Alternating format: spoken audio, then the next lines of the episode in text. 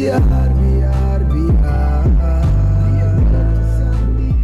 Pendengar Radio Lelemuku kembali lagi di edisi hari ini Minggu 24 Januari 2021 Beta Laura menemani Anda.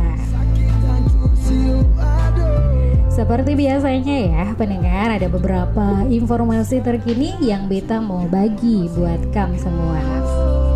Di antaranya ada beberapa berita, yaitu ada 10 berita.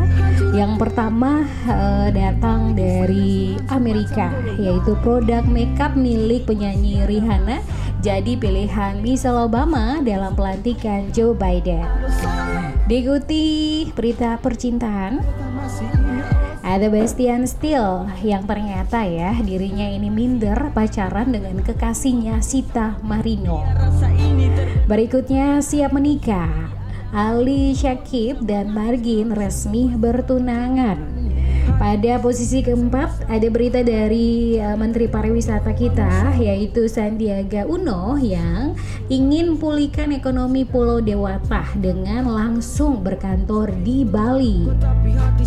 Berita kelima yaitu perseteruan dari Daus Mini dan juga mantan istrinya Yunita Lestari yang berujung pada permintaan des, uh, permintaan tes DNA anak mereka yang bernama Ica. Informasi keenam yaitu banjir Manado diikuti dengan pengacara korban yang klaim bahwa temukan indikasi kesalahan dari Boeing di kecelakaan Sriwijaya Air SJ182. Penyiar legendaris Amerika Serikat, Larry King meninggal dunia pada usia 87 tahun. Diikuti virus corona baru di Inggris lebih menular dan juga mematikan. Dan informasi ke-10 ataupun informasi penutup yaitu Ketua Relawan Pro Jokowi Amin Ambrosius Nababan diduga lakukan hinan rasial ke aktivis Papua Natalius Pigai.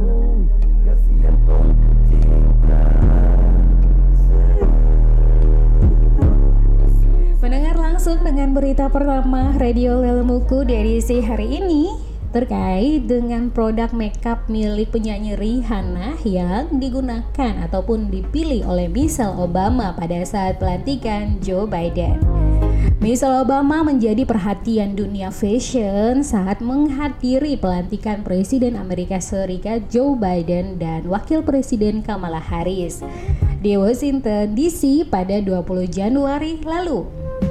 Mantan ibu negara ini terlihat bersinar berkat rambut ikalnya ya, rambut keriting yang dibuat ikal yang mengembang, kemudian setelan ungu gelap yang menawan dan juga smoky eyes yang apik dan juga tajam. Penata Michelle Cole Ray dia bilang ya kalau riasan di balik penampilan ibu dua anak itu Michelle Obama yang punya kulit ternyata kulitnya memang bagus dan juga terawat yang memudahkan uh, penata atau Cal Ray ini untuk merias. Cal juga memilih berfokus di area mata dengan menggunakan beberapa merek kecantikan termasuk dengan Fenty Beauty milik penyanyi Rihanna. Kemudian untuk penampilan Michelle di hari pelantikan, Cole mengatakan bahwa terinspirasi dari kekuatan dan juga kepercayaan diri dari Michelle. Acara pelantikan bukan hanya momen sejarah bagi Amerika saja ya, tapi juga perempuan di mana saja berada. Kenapa? Karena ada Kamil Harris yang merupakan wakil presiden wanita pertama di sana.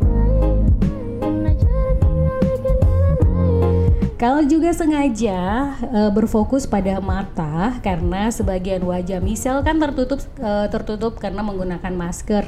Karena sama juga seperti hal-hal uh, tamu-tamu yang lainnya ya. Karena uh, merupakan cara untuk mencegah penularan Covid jadi harus menggunakan masker. Sehingga kali ini berfokus pada mata dari Michelle Obama. Tampilan Smoky Eyes Missile diperoleh dengan uh, mengaplikasikan Fenty Fly, Eyeliner Longwear Liquid tapi Fenty saja tidak cukup. Kal juga menambahkan permagel eyeliner dan pada pada Pat McGrath Labs. Untuk eyeshadow dia menggunakan warna top to black dari Pfizer One Eyeshadow Palette. Kemudian juga eh, ditambahkan dengan sedikit peronah pada mata dengan menggunakan merek Pat McGrath Mic Idol di kelopak mata dari Misal. Riasan itu pun terlihat sangat menonjol penampilan Michelle Obama yang saat itu mengenakan celana panjang berwarna anggur, sabuk dan juga mantel dari Sergio Hudson. Penampilan Michelle sendiri ditata oleh Meredith Coop dengan rambut oleh Hildepto. Sudah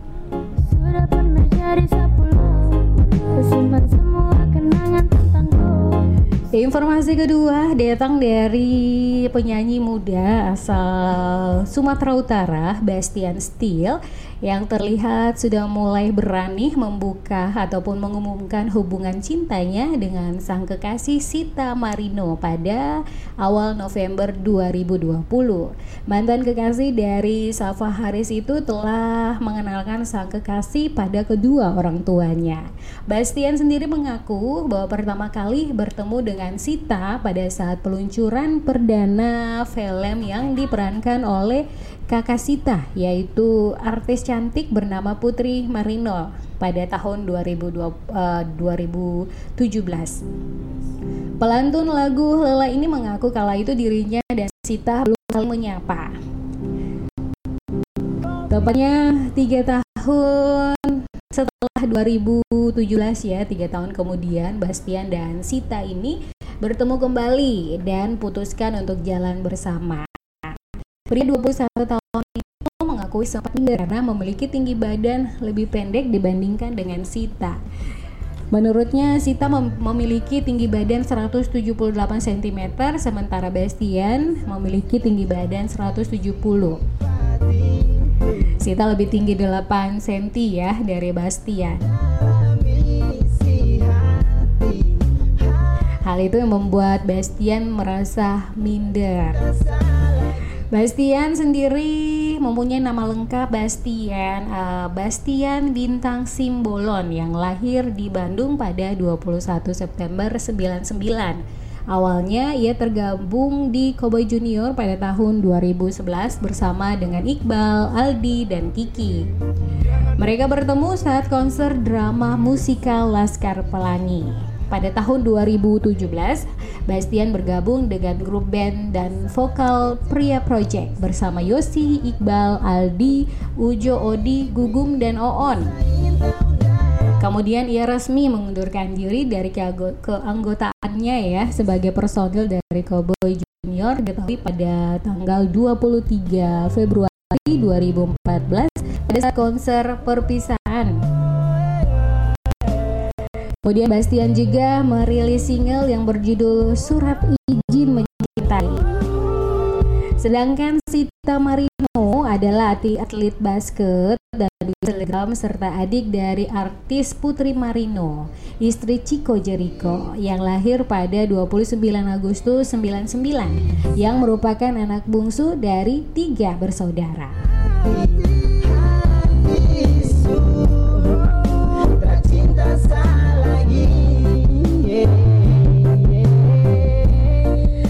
Tadi informasi terkait dengan pacaran ya, nah kali ini siap menikah. Ada Ali Syakib dan juga Margin yang ternyata sudah resmi bertunangan. Pasangan ini resmi bertunangan pada Sabtu 23 Januari malam di Bandung, Jawa Barat. Dari unggahan di Instagram, Ali dan Margin dan juga keluarga tampak bahagia menjalani prosesi lamaran yang berlangsung. Ali juga terlihat gagah mengenakan batik sementara Margin sangat tangguh dan cantik dengan balutan kebaya berwarna peach. Sang aktor melamar Margin di keluarga dan juga dengan artis seperti Lesti Kejora, Denira, Wiraguna. Dalam video yang beredar di media sosial, Ali tampak emosional saat melamar sang kekasih. Suaranya pun terdengar terbata-bata karena menangis ya. Terharu ya kayaknya menangis bahagia ini karena bisa bertunangan langsung dengan kekasih. Yang tentunya menunggu waktu saja menuju halal. Ali mengungkapkan rasa bahagia pada keluarga yang telah merestui hubungannya dan Margin hingga saat ini. Adik kandung dari Nabila Syakib itu terdengar mengucapkan terima kasih pada Margin Ali pun mengusap air matanya sambil menyudahi ucapannya. Sementara sang kekasih Margin lebih mampu ya terlihat untuk mengontrol emosinya. Ia menerima lamaran Ali Syakib dengan izin dan ridah orang tua. Acara lamaran itu pun dilanjutkan dengan penyerahan bunga dari Ali kepada Margin sebagai tanda ungkapan cinta. Sebelumnya Uh, Martin Ali Syakib ini diketahui pernah menjalin hubungan dengan Citra Kirana, namun hubungannya kandas. Citra Kirana sendiri memutuskan untuk menerima lamaran dari Reski Aditya dan menikah pada 1 Desember 2019. Sementara Ali Ya, kelahiran 6 Juni 87 itu mengaku memang berencana menikah dalam waktu dekat. Meski kala itu masih enggan untuk berbagi terlalu banyak tentang rencana untuk melanjutkan hubungan cintanya ke jenjang berikutnya. Namun saat ini Ali Syakib sudah menemukan tambatan hati ada Margin yang baru saja ya bertunangan dan siap untuk menikah.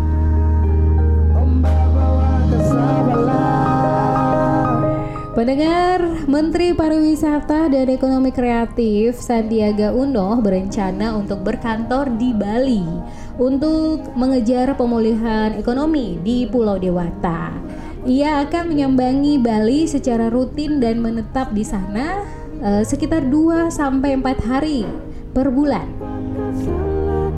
Menurut Sandiaga, dengan berkantor di Bali, dirinya akan merasakan langsung dampak dalamnya sektor pariwisata dan juga ekonomi kreatif terhadap perekonomian masyarakat.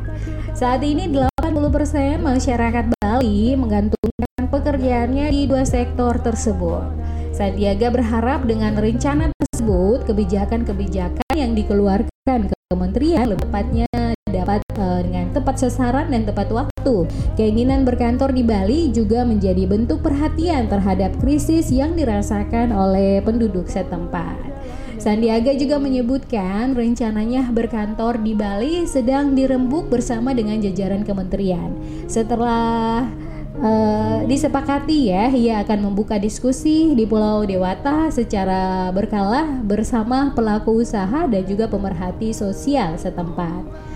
Pertumbuhan ekonomi Bali hingga kuartal 3 tahun 2020 tercatat mengalami kontraksi hingga 12,28 persen. Sepanjang tahun 2020, Bank Indonesia telah memperkirakan ekonomi Bali akan menyentuh level minus 8,5 sampai 9,5 persen.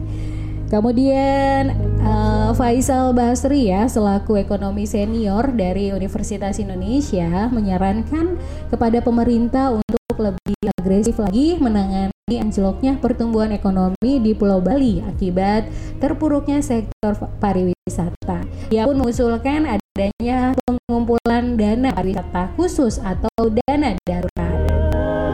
Dana itu pun ya menurutnya dapat dimanfaatkan untuk membantu pelaku usaha mikro kecil menengah untuk bertahan di tengah krisis. Pelaku UMKM umumnya tidak memiliki akses uh, pendanaan ketimbang hotel dan juga restoran yang memiliki jejaring internasional. Selain pengumpulan dana, Faisal juga menyarankan pemerintah untuk memperlakukan sektor wisata di Pulau Dewata Bali secara khusus. Salah satunya berkaitan dengan kebijakan lama waktu karantina bagi turis asing hingga rencana pembukaan travel bubble.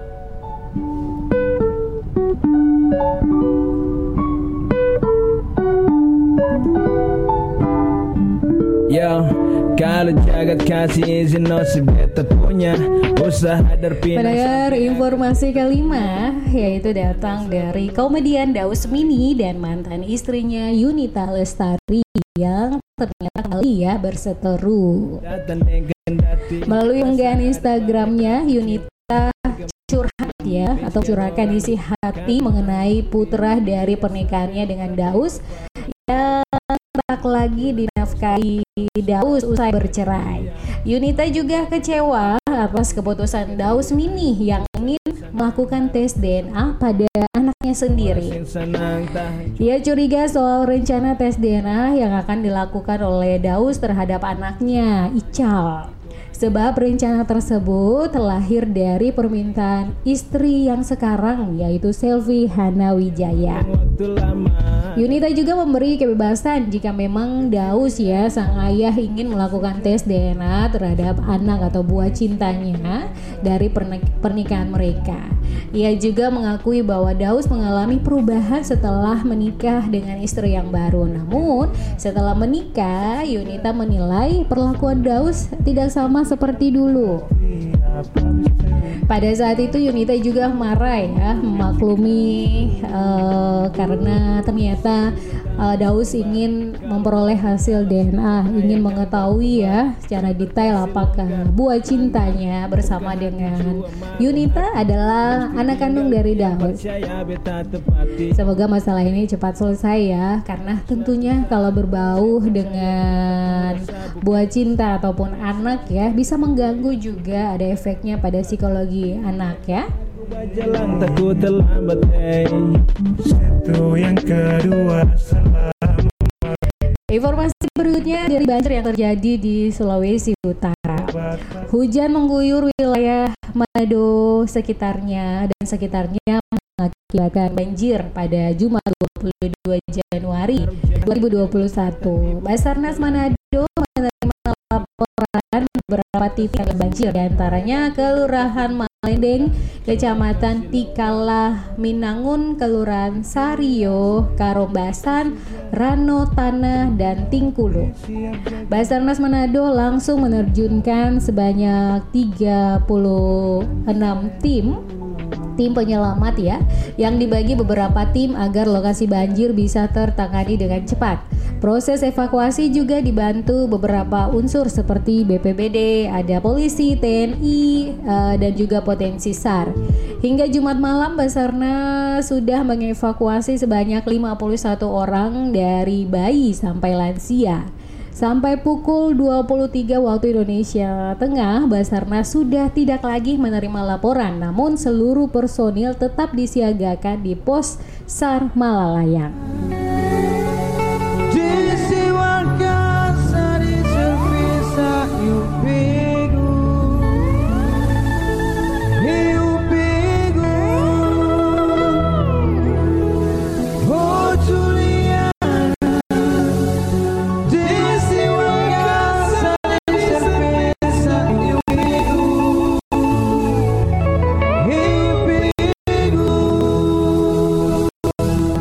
Pendengar masih bersama Beta Lora ya di Radio Lemuku. Tiga informasi terakhir menemani aktivitas Anda yaitu pengacara korban klaim temukan indikasi kesalahan Boeing di kecelakaan Sriwijaya Air SJ182.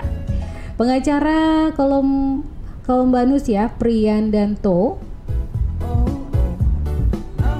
dari kantor hukum Danto dan Tommy dan rekan tengah mengumpulkan bukti untuk menuntut perusahaan manufaktur pesawat Boeing terkait kecelakaan pesawat Sriwijaya Air. Priardato Priar Danto menyebutkan sudah mendapatkan kuasa dari empat keluarga korban jatuhnya pesawat untuk menangani kasus ini. Bahkan dirinya juga menyebutkan bahwa timnya sudah menemukan indikasi kesalahan dari pabrikan asal Amerika Serikat tersebut. Namun, bukti-bukti lainnya juga masih dikumpulkan sebelum akhirnya menyampaikan tuntutan resmi di pengadilan Amerika Serikat. Sebelumnya pesawat Boeing 7 737 ya uh, 500 milik Sriwijaya RSJ 182 yang mengangkut sebanyak 62 penumpang dan kru jatuh di Kepulauan Seribu, Jakarta pada tanggal 9 Januari 2021. Saat ini sudah ada 43 penumpang yang teridentifikasi. Komponen flight data recorder sudah ditemukan. Sementara cockpit voice recorder masih belum ditemukan. Dalam rencana proses hukum, kantor hukum Danto dan Tommy dan juga rekan bekerja sama dengan pengacara penerbangan internasional. Kedua kantor hukum ini sebelumnya juga mendampingi keluarga pesawat Lion Air JT610 ya, 10 saat menuntut Boeing pada tahun 2019 lalu. Charles mengatakan bahwa proses investigasi untuk mengetahui penyebab jatuhnya pesawat dengan berjalan di KNKT sejak uh, sedang berjalan di KNKT. Komponen yang saat ini sedang dicari seperti cockpit voice recorder dibutuhkan untuk mengungkapkan kejadian sebenarnya. Dia juga menduga ada kesalahan mesin yang berkontribusi pada jatuhnya pesawat, salah satunya pada sistem auto throttle. Ia berkaca pada kejadian pesawat Airlines Asia Airlines yang jatuh saat mendarat di Bandara Internasional San Francisco pada Sabtu 6 Juli 2020, 2013 lalu. Menurutnya pesawat Sriwijaya Air ini diduga mengalami masalah berulang pada sistem autothrottle sebelum jatuh ke perairan. Seperti yang ditulis pada koran Tempo juga berdasarkan tangan sumbernya yang mengetahui ada masalah tersebut dalam edisi Kamis 14 Januari 2021. Sistem auto throttle dituliskan memungkinkan pilot mengatur kecepatan dan dorongan pesawat secara otomatis, sedangkan uh, masalah ditemukan uh, berulang sepanjang sebulan terakhir atau tepatnya sejak Desember 2020.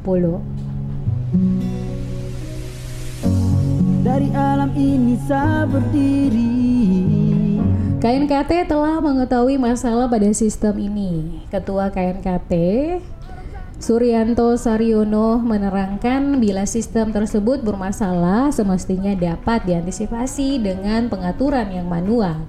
Sejak awal jatuhnya Sriwijaya Air, eh, Koran Tempo telah mencoba meminta penjelasan lebih detail ke Boeing soal kejadian ini, tapi Boeing hanya mengatakan bahwa mereka sedang berkomunikasi dengan maskapai pelanggan mereka.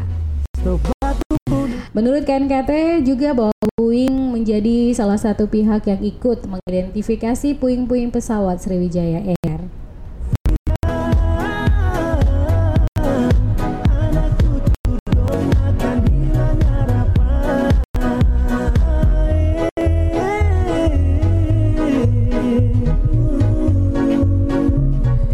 Pendengar penyiar legendaris Amerika Serikat Larry King meninggal dunia pada Sabtu 23 Januari 2021 di Los Angeles pada usia 87 tahun.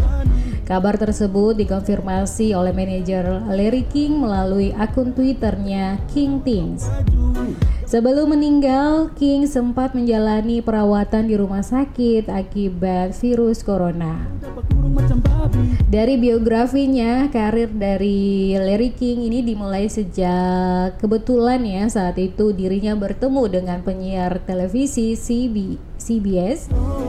Penyiar itu meminta Larry untuk segera ke Florida untuk bekerja di stasiun salah satu stasiun uh, radio di Miami. Awalnya pekerjaan itu berupa pembersihan stasiun, namun ketika salah satu penyiar laki-laki mereka berhenti pada tahun 1957, King juga langsung ditempatkan untuk menggantikannya. Terkesan dengan kemampuan Larry King, sang manajer sangat terkesan kemudian menempatkannya pada siaran pukul 9 hingga siang, jadi pukul 9 pagi hingga siang hari. Ia juga melakukan dua siaran berita sore dan juga siaran olahraga.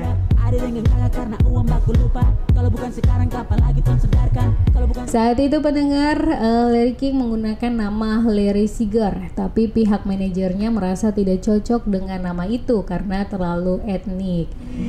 Sehingga beberapa saat sebelum dirinya mengudara, ia memilih nama belakang King setelah melihat iklan minuman keras King. Sehingga dari situlah sejak saat itulah uh, Larry King sangat terkenal dengan namanya.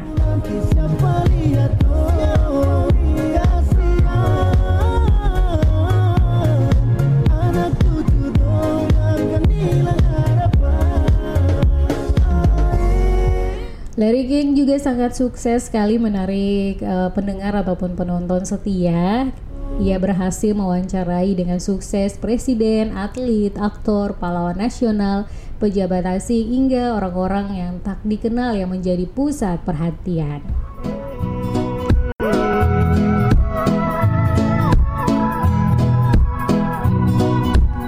Pendengar, eh, Perdana Menteri Inggris Boris Johnson membuat pengumuman yang meresahkan ya pada Jumat 22 Januari 2021 tentang B117 yang merupakan varian dari virus corona yang pertama kali ditemukan di Inggris musim gugur lalu yang menyebar luas di negara itu dan di tempat lain.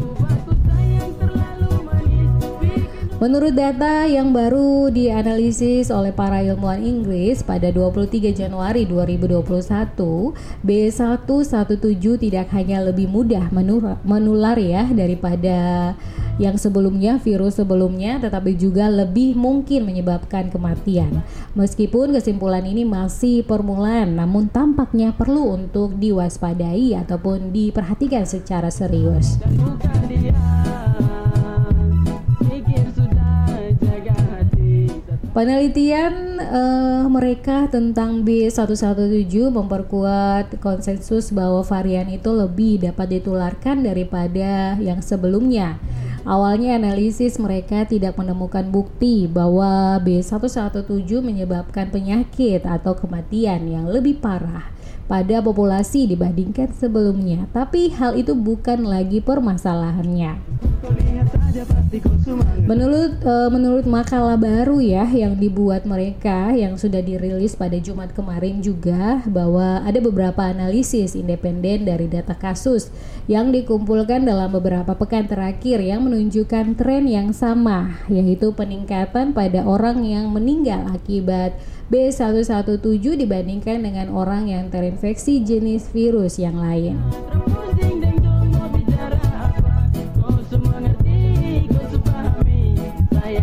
Walaupun hingga saat ini eh, jumlah pastinya berbeda antara kelompok, namun mereka juga menyarankan bahwa B117 sekitar 30% lebih mungkin menyebabkan kematian daripada jenis sebelumnya. Perhatikan bahwa meskipun peningkatannya 30% terdengar sangat besar, tingkat kematian keseluruhan masih sekitar 1%. Tapi tetap ya, jangan panik dulu dengan virus yang baru ini B117 ya, virus eh, jenis corona yang baru yang katanya lebih mematikan. Daripada kita pusing mikirin ya atau pusing pikir tentang virus itu, lebih baik kita patuhi anjuran pemerintah untuk tetap patuhi protokol kesehatan.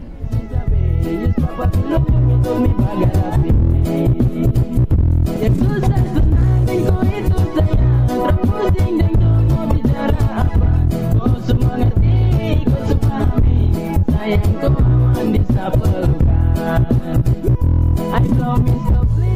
Pendengar informasi penutup Radio Lelemuku edisi hari ini sebuah tangkapan layar di media sosial dari unggahan Facebook milik Ketua Relawan Pro Jokowi Amin Ambrosius Nababan tengah menjadi perdebatan publik. Perdebatan itu muncul setelah viral cuplikan gambar yang diposting ya pada Facebook Ambrosius yang diduga sedang melakukan penghinaan bernada rasial pada aktivis asal Papua Nepalius Pigai. Berdasarkan gambar yang beredar, terlihat Ambrosius Nababan kedapatan memasang foto Natalius berdampingan dengan seekor gorila. Dia juga memberi tambahan kalimat Rada yang dinilai cukup eh, rasial. Belakangan diketahui bahwa unggahan tersebut juga segera ya setelah menjadi bahan perbincangan saat ini sudah dihapus oleh Ambrosius. Namun tangkapan layar itu sudah beredar viral di masyarakat. Tokoh Nadatul Ulama NU Umar Syadat Asibuan atau yang akrab ya disapa dengan Gus Umar mengecam tindakan rasis Ambrosius Nababan tersebut. Gus Umar bahkan menyarankan untuk eh, Pigai membawa hal ini ke ranah hukum. Pakar telematika juga berbicara ya, ada Roy Suryo yang menyebut bahwa ujaran itu sangat tidak pantas, apalagi sesama warga Indonesia.